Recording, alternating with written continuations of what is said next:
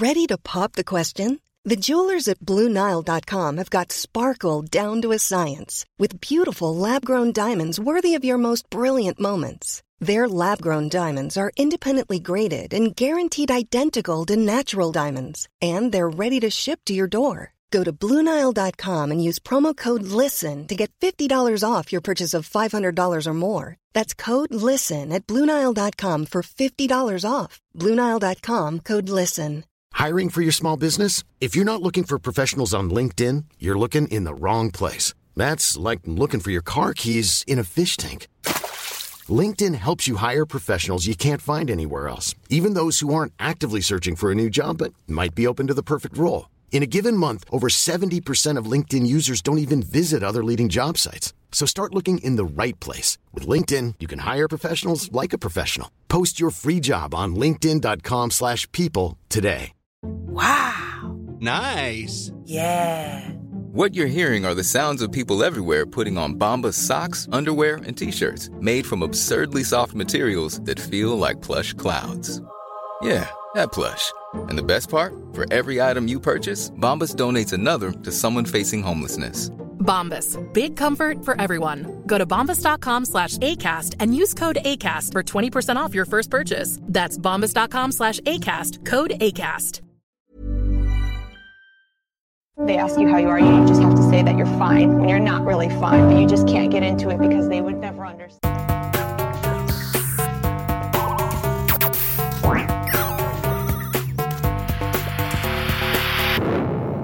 Velkommen til Sinnsyn. Jeg heter Sondre Risom Livre, jeg er psykolog, og dette er Webpsykologens podkast. Hverdagspsykologi for fagfolk og folk flest.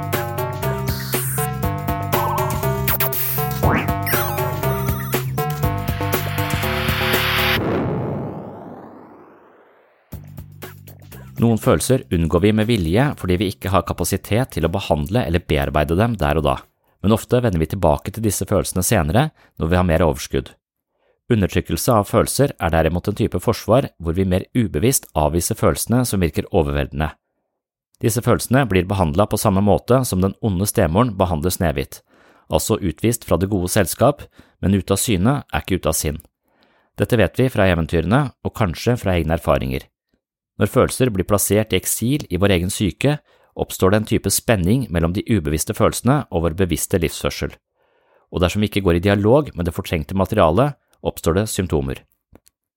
Dagens episode skal handle om følelsesmessig forstoppelse, selvhevdelse og familiesystemer som ikke tillater at medlemmene setter ord på følelsesmessige vanskeligheter. Jeg foreslår at evnen til å håndtere følelser er en psykologisk kunst vi lærer av familien og miljøet vi vokser opp i. Noen familier har et rikt følelsesmessig repertoar og kan spille både på de mørke og lyse tonene, mens andre familier vet ikke hvordan de mørke tonene skal integreres i familiens symfoni, noe som betyr at de forsøker å orkestrere et liv uten mørke toner, noe som ofte blir en litt simpel livsmelodi, mens andre havner i svært mørke toner på en måte som blir ustemt og skremmende for de andre i samme orkester. Vi lærer om følelser, hvordan de fungerer, hva de forteller, hvordan de kjennes i kroppen, hva de heter, av de menneskene vi vokser opp sammen med. Hvis vi mangler noe på dette området, kan det bli vanskelig å håndtere sitt eget indre liv, og vi kan oppleve ganske store følelsessvingninger.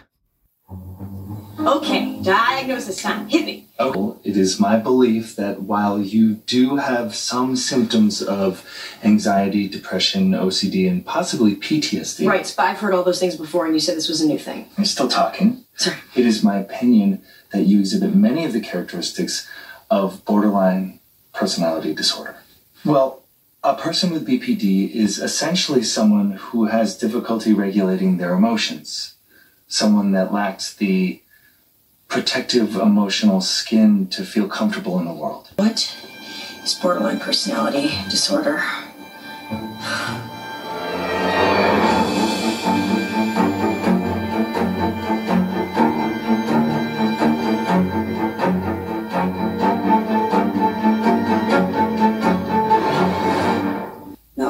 Go. I was too upset.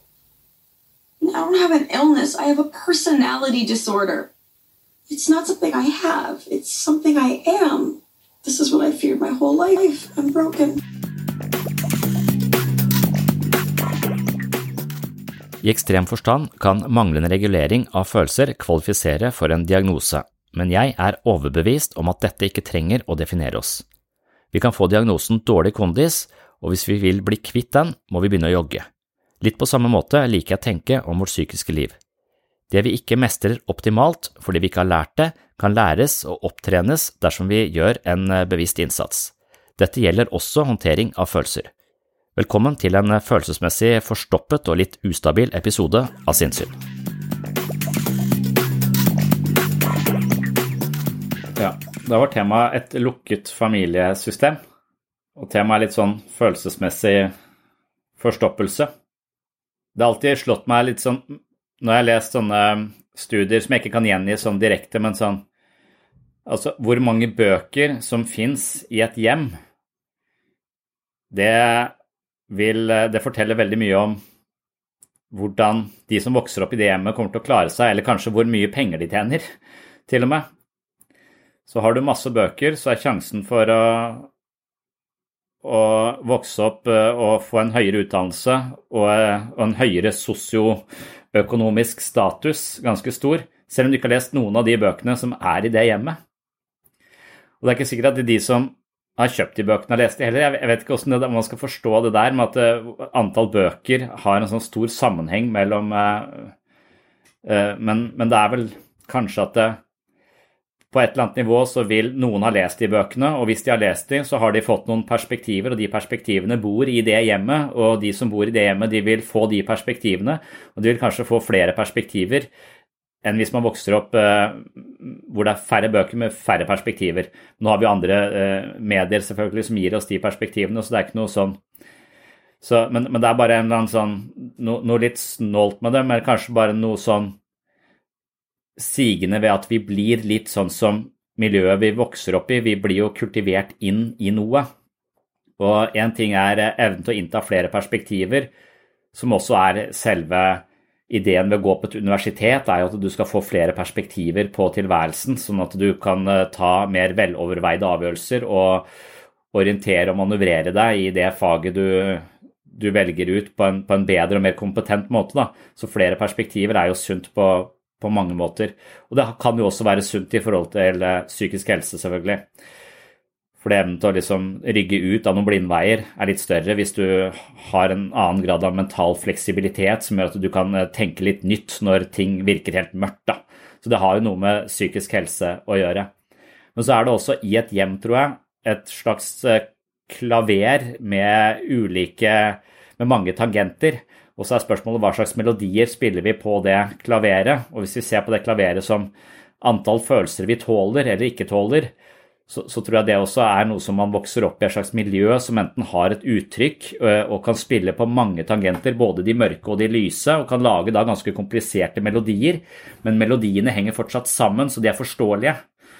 Og så tror jeg du har noen hjem med et tilsvarende klaver av følelser, men det er ingen som egentlig har lært å spille på det. Så man bare hamrer litt på de mørke tonene, og så hamrer man litt på de lyse tonene, og så blir det litt sånn uoversiktlig hva man egentlig føler når, og det blir litt uforutsigbart. Og man ser ikke hvordan denne, disse negative følelsene henger sammen i den helhetlige melodien eh, for det som foregår rundt. Så jeg har tenkt på eh, dette med, med psykisk helse som ofte evnen til å tåle, forstå, uttrykke og kunne bruke følelsene sine i livet. Og det er noe vi også må lære, tror jeg, av eh, de vi vokser opp sammen med. Så, så, graden av kompetanse på følelser og evnen til å spille på flere følelser uten at det blir ustemt, er ganske avgjørende for, for vår egen eh, emosjonelle forståelse. Og vår emosjonelle musikalitet, nærmest. Og da tror jeg kanskje at noen familier fornemmer at de ikke har den kompetansen nødvendigvis som skal til. Og jeg føler ikke jeg har den kompetansen som skal til selv heller. Jeg føler jeg ofte spiller ustemt og falskt på det der emosjonelle pianoet. Men hvis du i tillegg da skal spille på dette klaveret og skammer deg over den musikken du spiller, så du må lukke alle gardinene så ingen utenfor skal få vite det, men alle de som er umiddelbar nærhet av deg, de, de blir jo skada av den derre usystematiske, uforutsigbare. Det er sånn som jazz. ikke sant? Jazz er jo jævlig vanskelig å høre på hvis ikke du er, har en veldig forståelse for å se de sammenhengene. For det er plutselig bare kommer det noe inn fra høyre der som du ikke forventa i det hele tatt, så skvetter du til. Så blir du litt sånn nervøs, så du må ha ganske godt gehør da, for, å forstå, for forstå jazz. Men hvis det er sånn i en familie hvor følelsene bare svinger litt her og der, og du ikke helt vet hvordan pappa har det i dag, og du vet ikke helt hvorfor han plutselig blir så sint, eller sånn, så, så, er det masse følelser som bare hoper seg opp, men så vil familien at ingen andre skal se det. Eh, dette må vi holde for oss selv. Eh, vår måte å spille på skammer vi oss over, så ingen andre skal få se dette. Og da får du et lukket familiesystem hvor alle disse følelsene som ikke finner noe godt uttrykk, ikke klarer å spille en, en, en livsmelodi, eh, blir til symptomer hos det enkelte som alle bare må bære innad i det familiesystemet. Og så blir det Utad så smiler man, på foreldremøtet så sier man at alt er greit, til læreren sier man at alt er greit. Og så viser man ingenting av det som egentlig foregår eh, på innsiden, hvor man hadde trengt å få litt veiledning på hvordan disse mørke og de lyse tonene egentlig skal eh, klinge sammen da, i, en, eh, i en sånn uh, melodi som er lettere å, lettere å leve med. Og det skjer på så mange områder.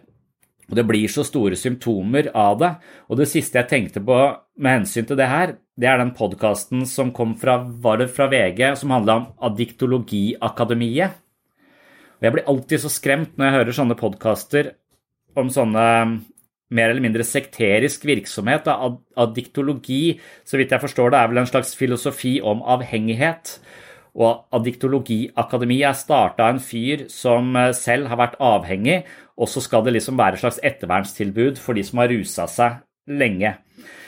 Men etter hvert så blir dette en slags sekt hvor eh, det er denne lederen, eller to ledere, som bestemmer eh, hva man skal og hva man ikke skal kunne tenke og føle og mene i denne, denne sekta. Eh, og man må betale ganske mye penger for å være med der. De etter hvert skor seg på dette og blir ganske rike på denne addiktologikirken sin. Eh, og etter hvert som folk da skjønner at her bruker jeg bare masse penger, og så føler jeg meg bare dårligere og dårligere. og dårligere. Jeg har hele tiden fortalt at jeg er et udugelig menneske, jeg er et offer, eh, eller jeg kan ikke håndtere rus osv. Så, videre, så får du en sånn sykdomsnarrativ som binder deg til en sånn ganske fastlåst forståelse av hvem du er.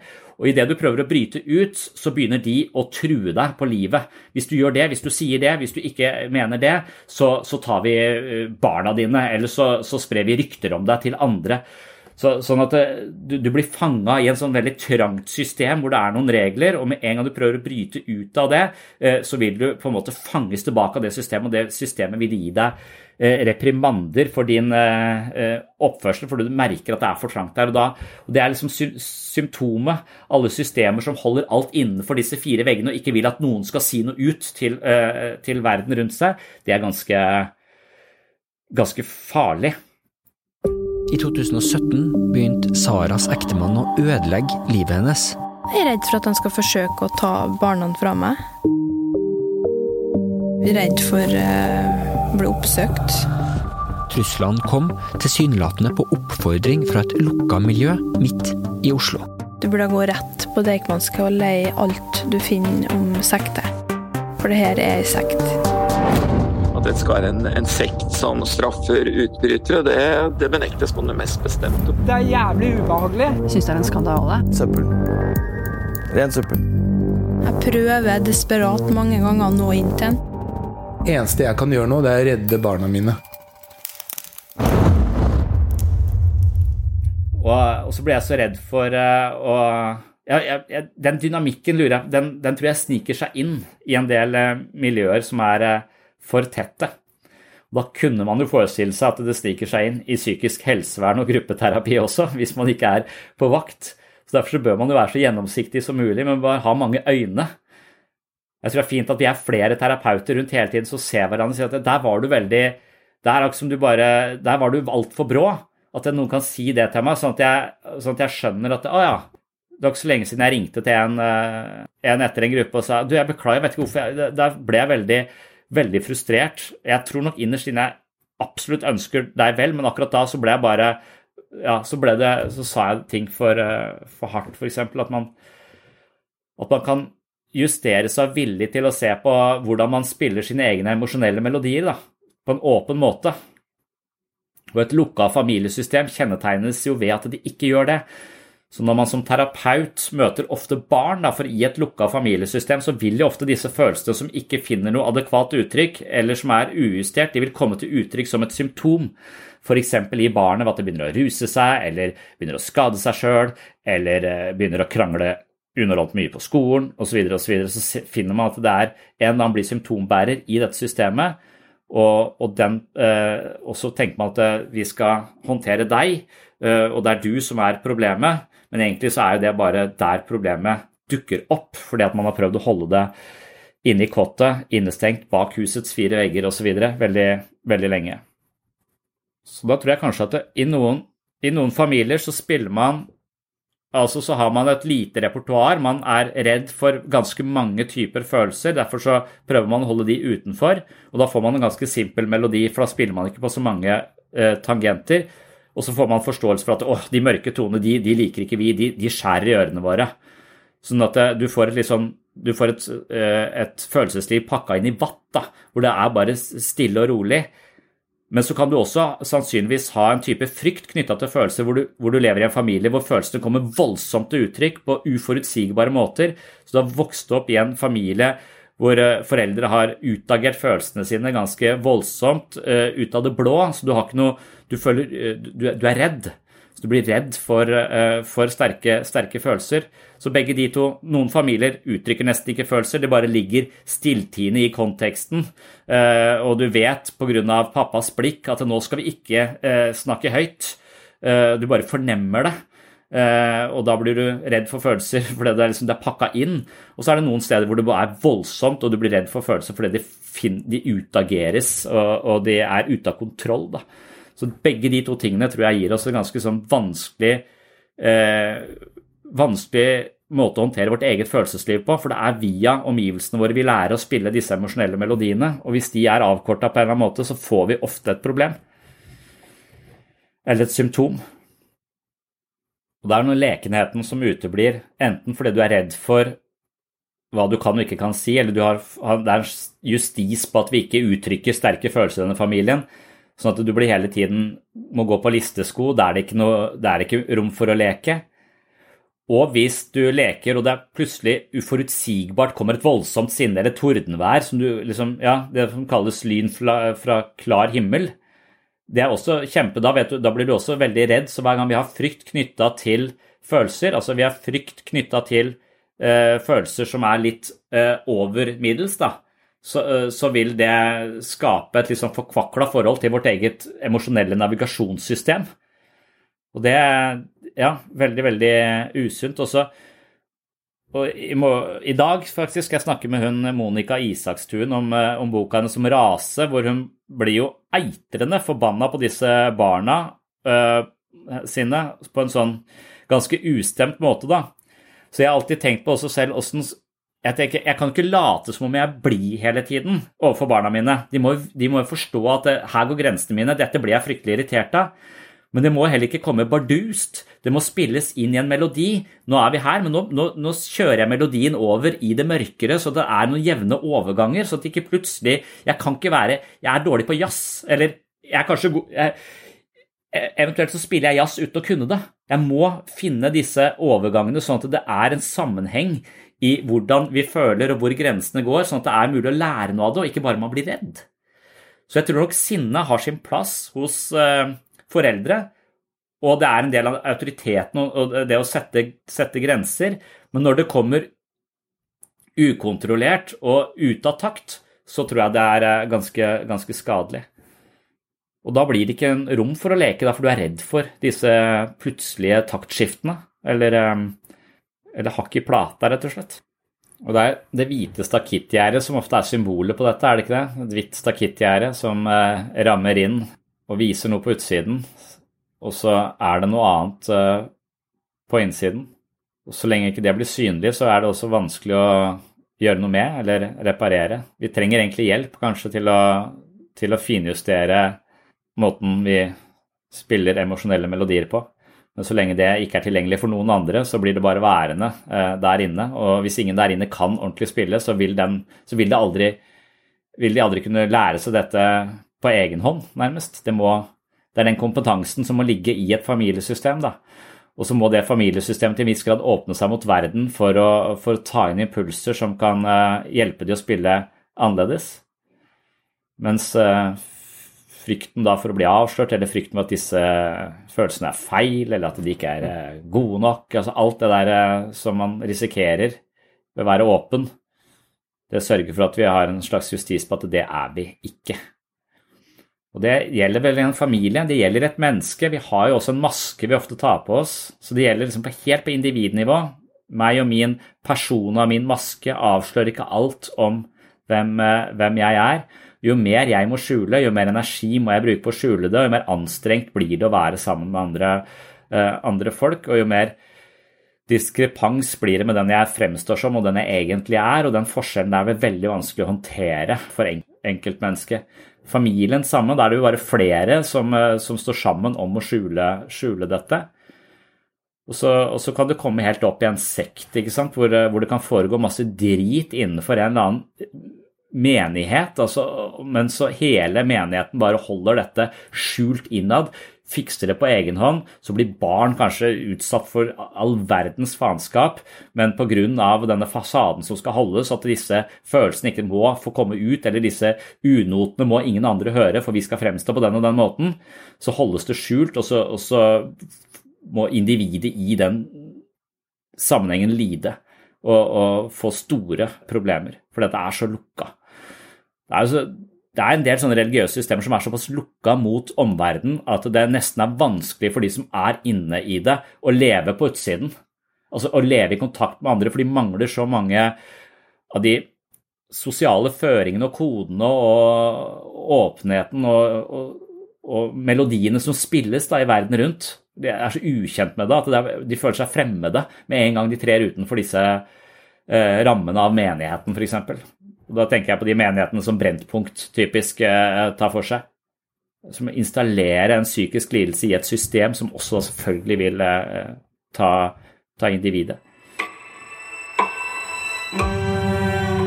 Sjokk og forstemning preger den lille byen Knutby. En herve av religion, sex og ond brå død.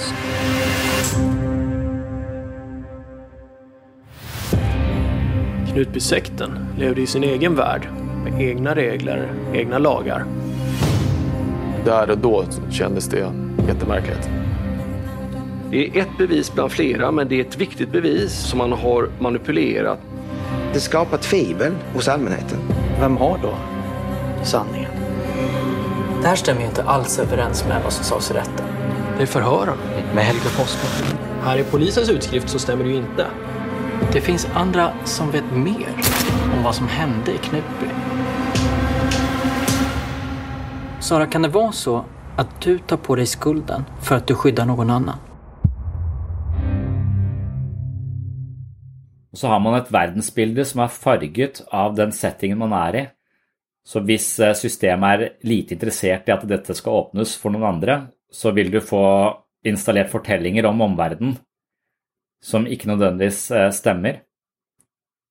Og du vil ha dine private fortellinger også om, om, eh, om verden.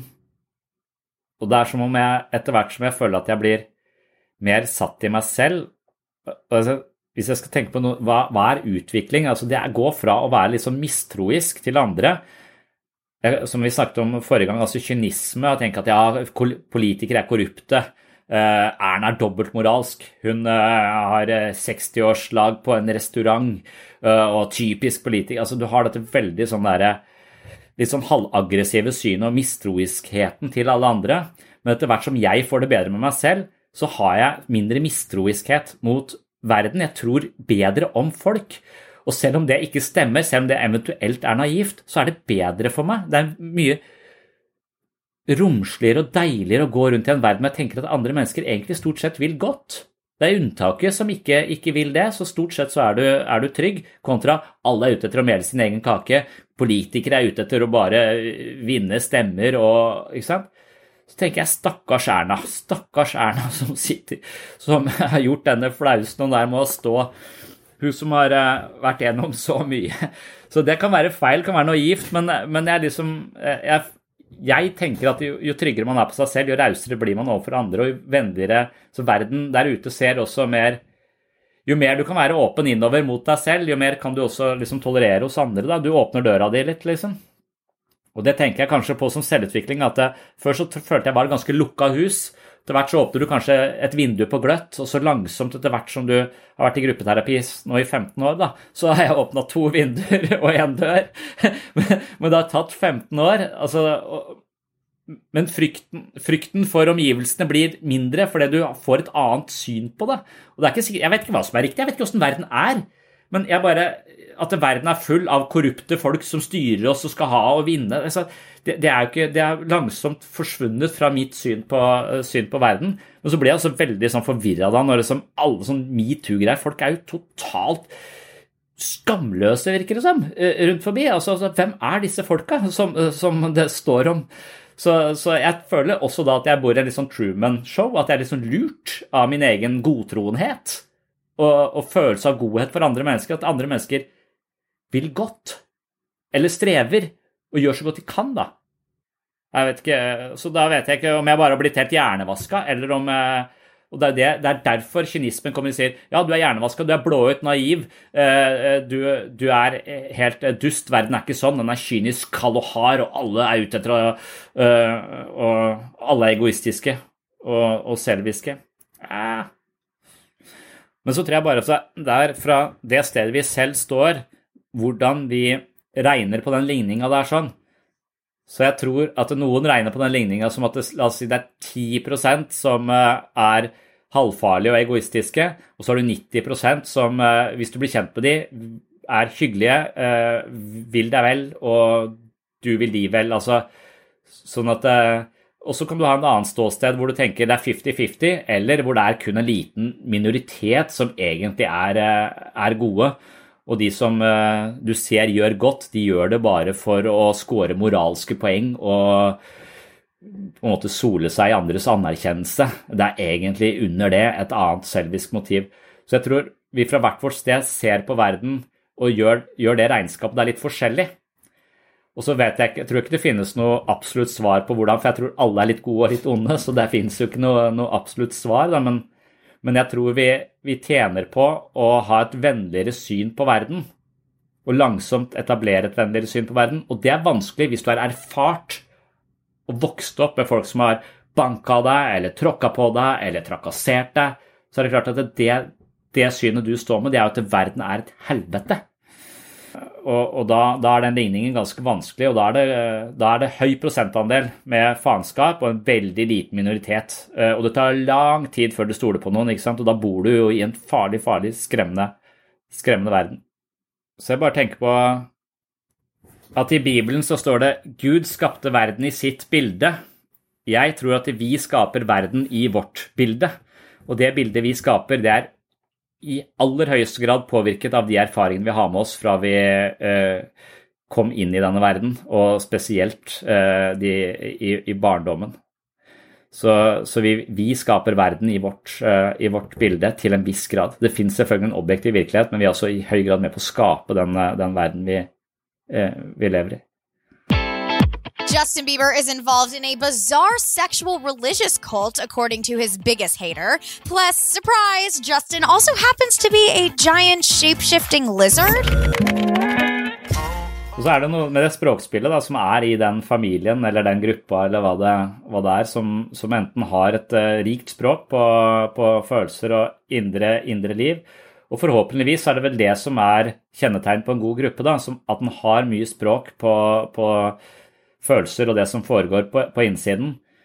For i de familiene som ikke har det, så vil jo symptomene bli mer kroppslige. Eh, og ofte bli smerter i brystet eller eh, Og rett og slett at stressnivået i det jeg ikke klarer å uttrykke eh, hvorfor jeg føler meg utilpass og, og, redd eller stressa, så lenge jeg ikke finner noe svar på det, har noe språk for det, ikke ser det, så vil det bare være kortisol som bare fyker rundt i kroppen min og fucker opp immunforsvaret mitt og gjør meg mer syk. Og så begynner jeg å leite etter nettopp de sykdommene, da. Og så er det liksom det fysiske som er valuta for hva det er greit å ha, ha vondt for i en familie. Og sånn tenker jeg det er med, med barn, og jeg har en litt sånn slags eh, fornemmelse for at jeg skal overse litt av alle de vondtene som eh, barn hele tiden har, og heller prøve å komme dem i forkjøpet og gi dem en slags oppmerksomhet på den de er, før de trenger å få vondt i fingeren og ha plaster hele forbanna tida. Eh, for, for det er som om barn som ikke helt klarer å si hva som er vanskelig på skolen eller i barnehagen, og sånn, de får en eller annen vondt. De trenger en type oppmerksomhet og omsorg. Men så, så, er det bare det fysiske som liksom har noe Det er den fysiske smerten som noe, er noe valuta. Det er den som er synlig. Det er den som, som kan berettige meg den omsorgen jeg egentlig trenger kanskje på noe annet. Men når jeg har vondt i, vondt i fingeren, kan jeg få et plaster. Jeg, jeg driver og plastrer hver jækla dag jeg på hund på fire. Altså, er ikke, Jeg prøvde å forklare at plaster er når vi blør, så ikke så kommer blod rundt forbi. Men hun skal ha plaster på alt mulig rart. Blåmerker og Så, øh, men det er ikke som jeg må prøve å komme det litt i forkjøpet og gi en type omsorg på Vil ikke bestevennen din leke med deg i dag? Øh, at det er kanskje der at vi kan finne et språk på det. At det å få et språk på det som er vanskelig, er litt det som å, å utvikle seg også, sånn at vi kan håndtere det psykologisk. For de familier som ikke håndterer, som ikke har hatt, ikke har den retorikken Jeg er ikke sikker jeg heller har den retorikken i, i god nok grad, men da, da, vil du ofte oppleve at det, også i voksen alder så blir symptomene fysiske. Det er ikke det at de innbiller deg de symptomene, for så lenge de ikke har noe uttrykk for det, så vil det florere i kroppen din i, i krysningspunktet mellom syke og soma og feste seg i ryggen, eh, i hodepine, i skuldrene, i muskelspenninger. Og så, og så blir man eh, levende på et langt utredningsforløp på AFR eller eh, andre steder i somatikken. Så på en måte så er det ikke å oversette alt fra kropp til eh, psykologi. Det er også å eh, kombinere kropp og psykologi. Det er, eller det er, det også lage et språk som forbinder kroppen med, med, med følelsene på en, på en god i går så leste jeg Garmans sommer for hun på fire. og han, eh, han, skal begynne på skolen. Han gruer seg noe så inn i granskauen. Men han har også sommerfugler i magen. Og det er jo da tegna som sommerfugler i magen. Det er en sånn røntgenapparat foran magen hans, og så driver han og reflekterer over hvordan de sommerfuglene egentlig kom inn i magen hans. Eh, det, så da er vi liksom på Vi er på vei fra det konkrete til det abstrakte.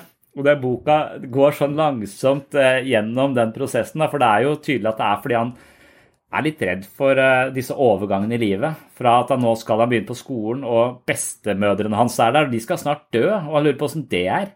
Så det, det er liksom uh, Da er det Skal få låne skateboardet oppe i himmelen til han. Ja, det er så mye Ja.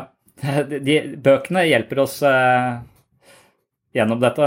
Kanskje det er for det å ha en del bøker i bokhylla ha, at det Eller man trenger ikke ha det i bokhylla, man kan være på biblioteket også.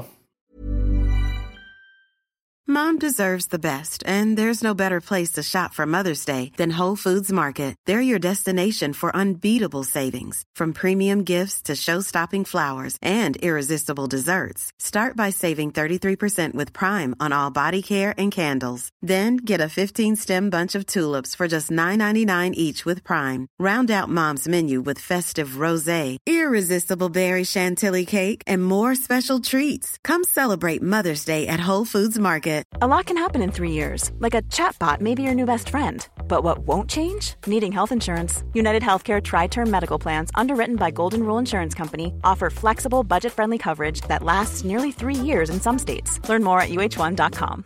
Hey, Dave. Yeah, Randy. Since we founded Bombus, we've always said our socks, underwear, and t shirts are super soft. Any new ideas? Maybe sublimely soft. Or disgustingly cozy. Wait, what? I got it. Bombus Absurdly comfortable essentials for yourself and for those facing homelessness. Because one purchased equals one donated. Wow, did we just write an ad? Yes. Bombas. Big comfort for everyone. Go to bombas.com slash ACAST and use code ACAST for 20% off your first purchase. Ja, det, jeg tror absolutt det går an å hente inn igjen. Og så tror jeg at det, eh, vi har en kultur for uh, åpenhet som går i riktig retning. Altså vi åpner oss mer og mer, men vi vil sannsynligvis fremdeles oppleve det som en slags risikabelt prosjekt. Da åpne et familiesystem for verden rundt. Så jeg husker vi, hadde litt sånn utfordringer med han ene hos oss, og da ville kona mi at vi skulle snakke med en annen, altså en familieekspert, da, som skulle komme hjem, og så, og så, og så skulle vi fortelle hvordan vi opplevde dette, og om vi kunne veiledes på det på noen måte. Og jeg opplever jo det som som, som risikabelt. Liksom, øh, altså, du føler, du føler deg mislykka.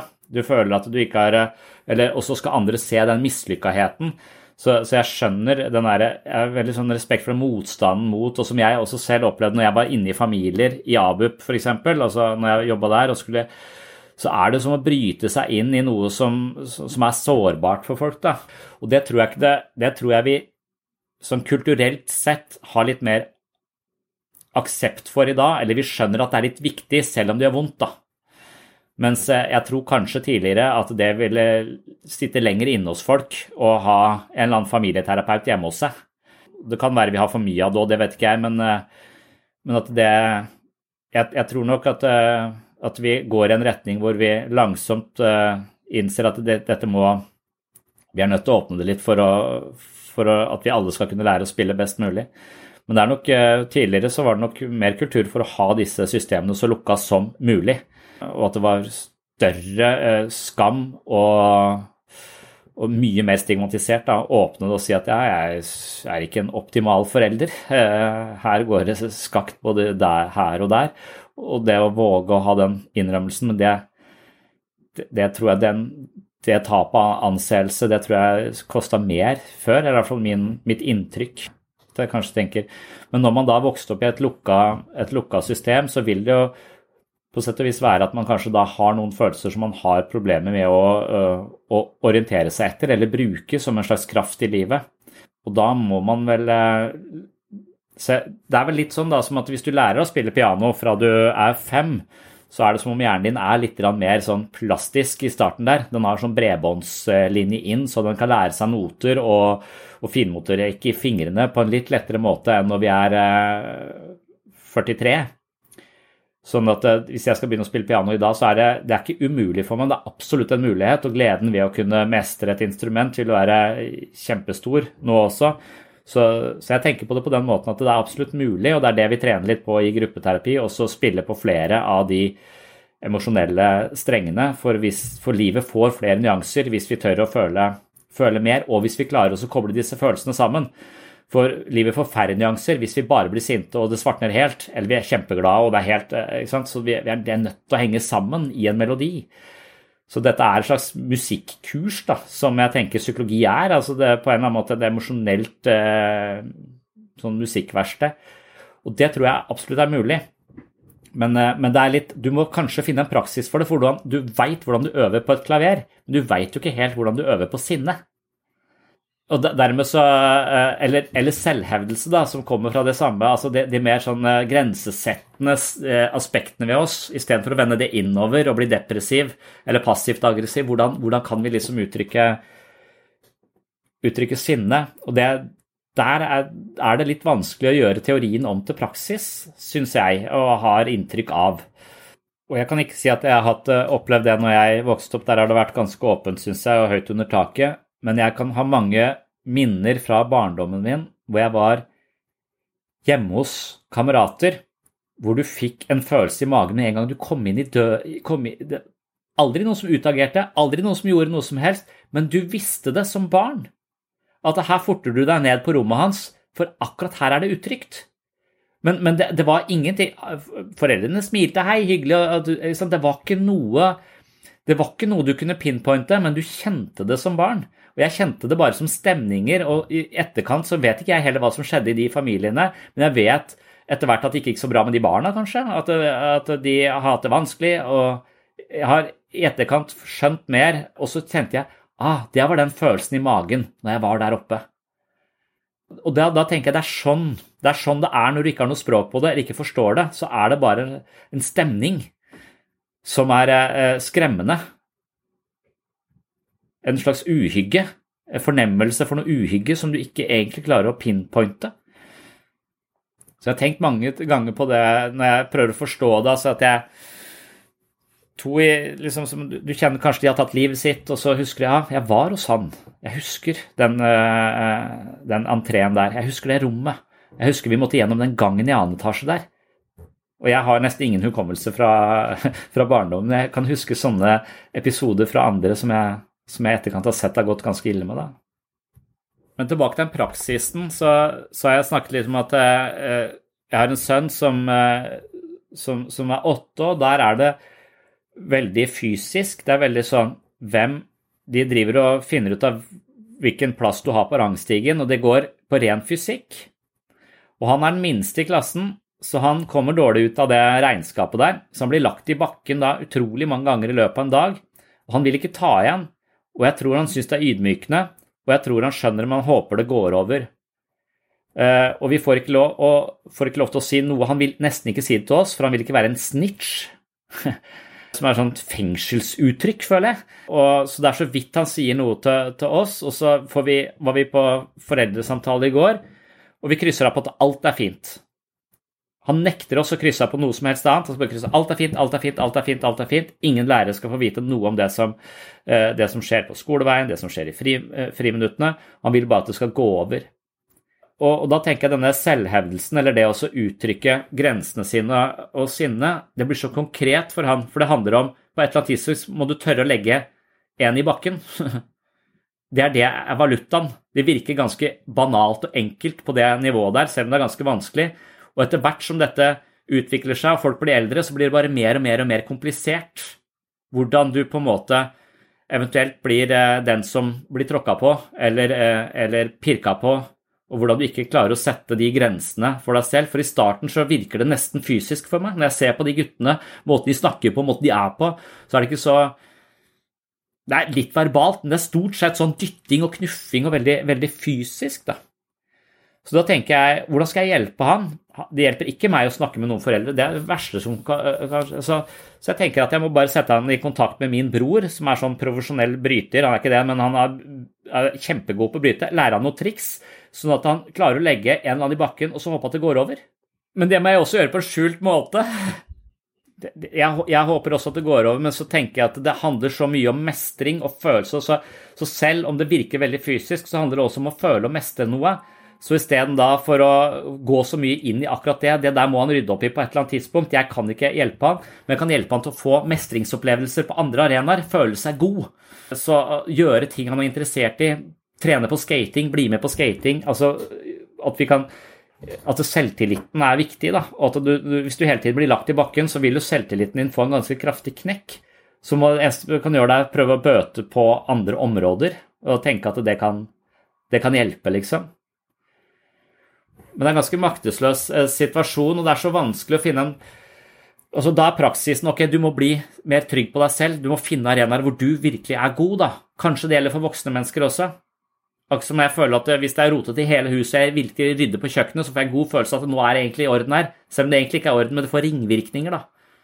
Så Hvis jeg føler meg dårlig på et sted, kan jeg liksom spesialisere meg på et annet sted, og så gir det meg en sånn grunnleggende følelse av å være god nok og ha rett til å uttrykke meg, eller at det blir noe selvhevdende i det. Selv om ikke jeg er slitt med selvhevdelse, altså det, men eh, så, så er det vel den, den den historien vi hører ganske mye i dette systemet, at det var ingen som så meg.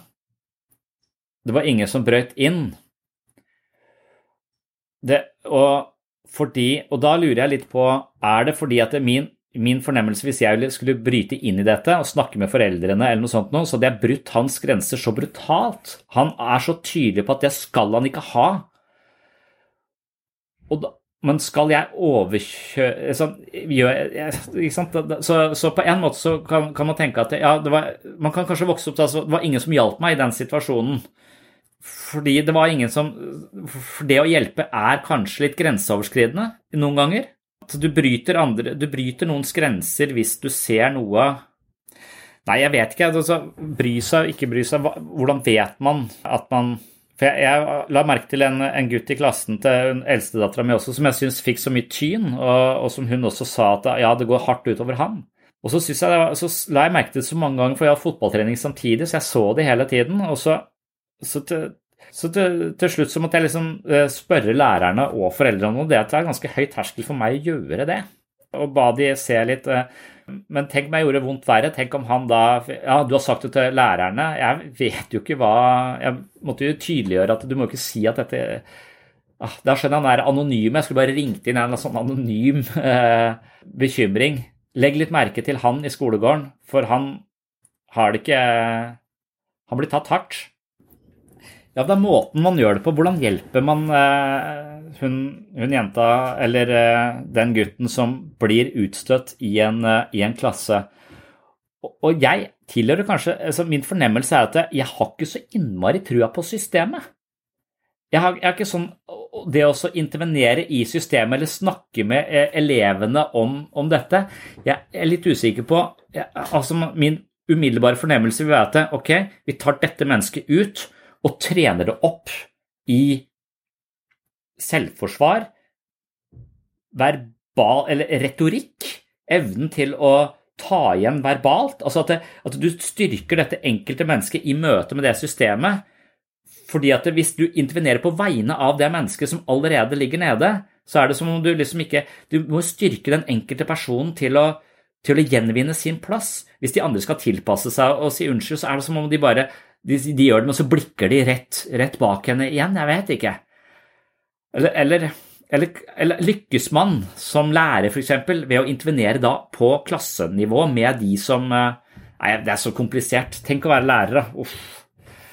Det er sannsynligvis så mange som da ikke har den Så lenge et barn har en trygg base, så, eh, så kan det nok håndtere ganske mye. Og det er akkurat som hvis vi møter mennesker her som eh, har hatt foreldre som overhodet ikke fungerer, men så hadde vi en tante eller en bestemor. Vi hadde ett sted hvor det var mulig å være, liksom. Og at det kan være en slags livreddende linje inn til livet og en form for trygghet som, eh, som gjør at man kan eh, likevel leve ganske godt, da, fordi man hadde den livlinja på en eller annen måte. Så det, det, må være, men, men, i et system som f.eks. har veldig lav toleranse for følelser, så vil man kanskje Nei da, det er ikke så farlig, vil man kanskje si. At man, for det man som forelder rett og slett ikke makter å ta inn over seg at sitt eget barn har det vanskelig. Og da er det bedre å late som om det ikke er det, nesten. Og at det er den der lave toleransen for følelser. For hvis man, som forelder så vil du sannsynligvis oppleve at det mest smertefulle er ting som går utover dine egne barn. Da, eller sånn. Etter jeg fikk barn, så tenker jeg at det, jeg visste ikke at det var mulig å være så bekymra og, og, engstelig. Altså, hadde det bare vært meg, så hadde det ikke vært noe stress, da, men nå er det liksom på vegne av noen andre hvor jeg ikke har den fulle kontrollen eh, lenger. Så, så, hvis jeg da ikke tolererer at de har det vanskelig, for det orker ikke jeg å ta inn over meg, så kan man si nei, men det er, nei, de bare misforsto, nei, de vil bare leke. Du kan liksom bare kanskje avfeie det. da. At det er det som skjer for, for mange som absolutt ikke blir sett i sånne vanskelige situasjoner. Vel, den naturlige reaksjonen da også peke utover når man, hvis man er, er i en sånn situasjon som et familiesystem, at det nettopp er den skammen hvis, hvis noen i familien ikke har det vanskelig, så er det fordi vi har gjort en for dårlig jobb som eh, forelder. Så, og det å ha det med seg Det kan også være noe der ute, men hver gang du peker, så er det jo tre fingre som peker tilbake på deg, liksom. Det er jo det man lærer seg, at man må se begge, begge veier i den typen eh, Hva kan vi gjøre her hjemme, da? Kontra hva, hva ligger, hva ligger der, eh, der, ute. Da er det i hvert fall det eneste det, det som ligger nærmest der vi har muligheter, er jo her på, i den basen. Og så det er ikke så lett å intervenere i verden, føler jeg. Jeg syns systemet er vanskelig å Det er så innfløkt og utrolig komplisert. Og når, du, der, når du begynner sånn jenter 12-13, så blir det enda mer innfløkt og komplisert. Det er jo faen meg stein umulig. Du kunne engasjert et helt universitet med forskere til å prøve å finne ut av hva slags dynamikker som foregår der, og de ville ikke hatt peiling. De ville, de ville forstå mer av dynamikken enn maurtue. Eh, med en milliard maur enn de, de ville forstått eh, en eh, syvende klasse med, med, med, trøbbel mellom på, på, alle mulige nivåer. Og så er det ikke bare det mellommenneskelige mellom de som er i en spesiell klasse de som er barn. De lever også i et system, de lever i en kultur, de lever i et forventningspress. De lever eh, mellom utrolig mange aktiviteter som de skal prestere på. Alt dette her bare poppes inn i disse hodene. Og når man står utenfor og ser på det, veit at man har vært igjennom det selv, så ble, jeg helt sånn Nei, men i helvete kan vi ikke restarte dette systemet litt, da, for at all den der prestasjonen som de skal prestere på alle fuckings nivåer nå, og vi skal ha utviklingsmål i de der foreldresamtalene, det er så mye utviklingsmål. Ja, men han er jo flink til å lese, han er flink til å skrive, ikke, kan vi ikke heller bare hvile i det nå? Dette her, for meg, han går nå i andre klasse, han går i tredje, da, men de begynner jo så jævla tidlig også å måles på, på dette her. Og så hele tiden den følelsen, så etter en sånn samtale så er det det som ikke var bra nok, han legger merke til en sånn attribueringsstil som er eh, negativ. Nei, men du, de sa masse bra! Du, det er bra! Eh, så, så, det er så sykt mange faktorer som influerer eh, i eh, operativsystemet vårt, og i verste fall gir oss et jævla vanskelig liv, altså. Så da er det kanskje best å bare flytte ut av systemet, inn der ingen skulle tro at noen kunne bo. og isolere seg fra denne farlige verden. Det er det motsatte av solsiden, er det ikke det? For det er jo som at Mikkan jobber så mye med denne fasaden at det, og det parodieres jo på en veldig sånn tydelig måte hvor viktig det er for henne at uh, alt er på stell, og hvordan, hun, hvordan alt utad og hvordan hun kjøper ting fra bestemte Men hun har, ubegrensa med økonomiske midler fordi Fredde jobber så mye, så hun kan jo liksom pynte på denne fasaden. men men det er jo helt, eh, så, så stilles det opp mot den andre mer sånn hverdagslige familien som er litt mer sånn trøblete anlagt, da, og som er litt mer åpen på det, på det trøbbelet. Jeg vet ikke om vi opplever man at uh, man, man, opplever kanskje ulike sammenhenger, ulike situasjoner, i hvilken uh, familie man er i. Der da er jeg hjemme hos Mikkan og Fredde, eller er jeg hjemme hos uh, han tannlegen og hun andre dama? Altså, for at det er nok litt lettere å være oppriktig hjemme hos han tannlegen, selv om tannlege er litt sånn, ja, enn en det er hjemme hos hos Mikkan, da, og måten hun er med de venninnene på, det virker jo helt De bare går og ljuger til hverandre hele tida. Hva er greia med det, sånn, en sånn relasjon? Altså, så, så, rart å ha det sånn at du går og ljuger til folk rundt deg hele tiden eh, på en sånn subtil, rar måte. Men det er vel settinger hvor det foregår, da, eller hvor man liksom man kan møte lukka mennesker som eh, spiller et, et sosialt eh, spill som kan være ganske imponerende og få deg til å føle deg ganske mye dårligere. Og idet du føler deg så dårlig, så begynner du også å spille dette imponerende spillet, og så har du det gående. Så er det ingen som kjenner hverandre egentlig. Og etter hvert da så må alle holde så mye på innsiden at ingen egentlig klarer nesten å gå ut og omgås andre uten å spise masse valium. Så, så, da må man hele tiden passe på at man er full av valium hvis man skal møte andre mennesker, for å holde alt dette her du skjuler i sjakk. Det er det som er den sørlandske strategien. da. Det, det, der er det, så, det er ikke et ullpledd overalt her. Det er, liksom, det er, det er dempa i, eh, med, med B-preparater. Det er jo Landsdelen er jo litt kjent for å spise mer eh, B-preparater enn resten av, eh, av landet. ja. At man ble så sint at man nesten sa ifra. Men heldigvis så tok jeg en, en Sobril på forhånd, så jeg, det, jeg klarte å la være. Da ble det ingen forandring, men jeg kan gå og gnure på dette her i et års tid uten at naboen veit det engang. Det er deilig.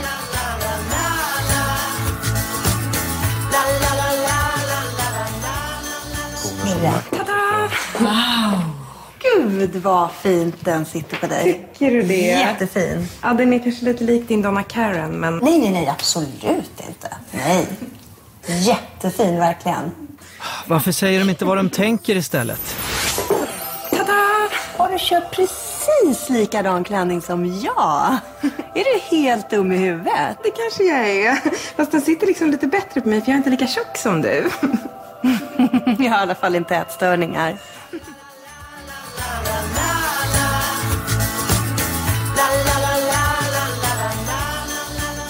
All selvutvikling handler om å være mer bevisst. da. Så, så, hvis du er åtte år, så handler det om å legge noen i bakken en gang for alle, sånn at du slipper å være hakkekylling. Hvis du er voksen, så gjelder det å identifisere de situasjonene hvor du sier ja, men mener nei. Og uh, være bevisst i forkant, sånn at du klarer å kanskje si nei når du mener nei, og ja når du mener ja. Og at det er det det er det Én ting er å se at du ofte sier ja når du egentlig mener nei. Og når du har sett det, så har du selvinnsikt, men du har ikke gjort noen forandring. Så den forandringen den må også inn. Den må implementeres. Og da må du være bevisst i den situasjonen. Og da er spørsmålet ser man det, eller går det bare oss hus forbi når vi er i de situasjonene? Kjenner man det i magen? Man, er det noen signaler man kan, eh, man kan kjenne etterpå hvis man har et sånt mønster hvor man Eller hvilket som helst mønster. Nå var det mer det selvhevdende mønsteret jeg var ute etter, der, eh, hvor man typisk ikke tør å sette, sette grenser eller være oppriktig. For meg så er det hvis jeg lyver. Hvis jeg merker at jeg lyver på et eller annet, så, så veit jeg at der er det noe viktig. Men jeg kan også oppleve at jeg får sånne fysiske symptomer, og så at jeg overhodet ikke forstår hvorfor. Og hvis jeg bare får det en sånn random gang, så er det helt eh, Da, da tenker jeg sikkert eh, drikket litt lite vann eller et eller annet sånt noe. Men hvis det kommer f.eks. hver onsdag at jeg har vondt i hodet, så, så, at det er sånn regelmessig, men jeg fortsatt ikke helt forstår hva det er som genererer den typen smerten, hva jeg overser, på en måte, hva, hva, hva slags justering, hva slags mønster jeg er i som jeg, ikke, som jeg ikke forstår. At jeg ikke klarer å ha noe sånn helikopterperspektiv på meg selv. Og det er vel da jeg kanskje trenger hjelp fra f.eks. en gruppe da, som, kan, kan, som har helikopteret tilgjengelig og ser hvordan jeg typisk reagerer hver gang i den gruppa, så at de kan fly over og rapportere fra helikopterperspektivet når du har gått deg helt vill i skauen, liksom. Og, kan, og det er ganske frustrerende å ha fysiske symptomer som du absolutt ikke forstår. For det første så føler jeg meg ganske dum, for jeg tenker at jeg har holdt på med dette her i 100 år nå, og så, og så er det fortsatt like Altså, men jeg har liksom på en måte avskrevet kroppen veldig lenge, da, for jeg har ikke hatt noe sånn særlig godt forhold til den. når jeg da plutselig begynner å kjenne etter, så, så, så viser det seg at den driver og signaliserer både det ene og det andre, og da og så, og, så, og så, har jeg ikke alle sammenhengene. Eh, og det er noen ganger liksom sånn helt, helt blind, liksom. Det er vel der kanskje en gruppe kan hjelpe hverandre, da, ved også, at noen er kanskje i skogen sammen og reagerer på dette, og så er det noen som kan se ja, men når dere holder på sånn, så skjer dette, og dere gjør alltid det, og at dere da på en eller annen måte vet det i forkant, og derfor så går du, er du litt anspent dagen i forveien. Du får ikke sove den uh, tirsdagen som regel, du sover jo ja, at det er et eller annet eh, det Og idet du får ser den stien der sånn, så kan det være at å ja, faen. Det er mulig, men det, det, er ikke ofte så konkret som det heller. Men uh, før så hadde jeg alltid vondt i hodet på torsdag. Det har jeg ikke lenger. Jeg vet ikke uh, Det er torsdag i dag. så det kan vi kanskje snakke om neste torsdag.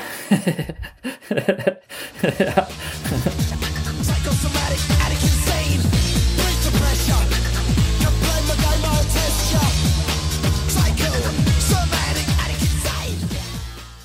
Det var det jeg hadde om uh, følelsesmessig forstoppelse og håndtering av vårt uh, emosjonelle liv for denne gang. Det er et uh, stort tema, og et tema jeg kommer tilbake til gang på gang og sannsynligvis aldri blir ferdig med. Vil du ha mer sinnssyn hver måned, kan du gå til patron.com for segs sinnssyn. Her finner du masse eksklusivt materiale, her er det flere episoder av sinnssyn, mentale øvelser, mye videomateriale, og jeg leser bøkene mine kapittel for kapittel, slik at Patron til slutt huser lydbokversjonen av mine tre bøker. Allerede nå ligger hele Selvfølelsens psykologi tilgjengelig som lydbok, og jeg er godt i gang med å lese Jeg, meg selv og selvbildet. Hvis du finner verdi her på sinnssyn altså, vil ha mer sinnssyn hver måned og har lyst til å støtte prosjektet slik at jeg kan holde hjula i gang her på podkasten, er et abonnement på Patron av stor betydning for dette prosjektet. Du kan selv velge beløp per måned, og beløpet vil da gi deg et medlemskap på mitt såkalte mentale treningsstudio. Jeg vil også benytte anledningen til å takke alle dere som allerede er Patron-supportere. Det er lyttere som dere som sørger for at lyset er på her inne på sinnssyn uke etter uke. Det er ganske kostnadskrevende på mange måter å drive denne podkasten, men jeg elsker å høre det, og med støtte fra Patron-lyttere kan jeg prioritere sinnssyn hver eneste uke, så tusen hjertelig takk for det.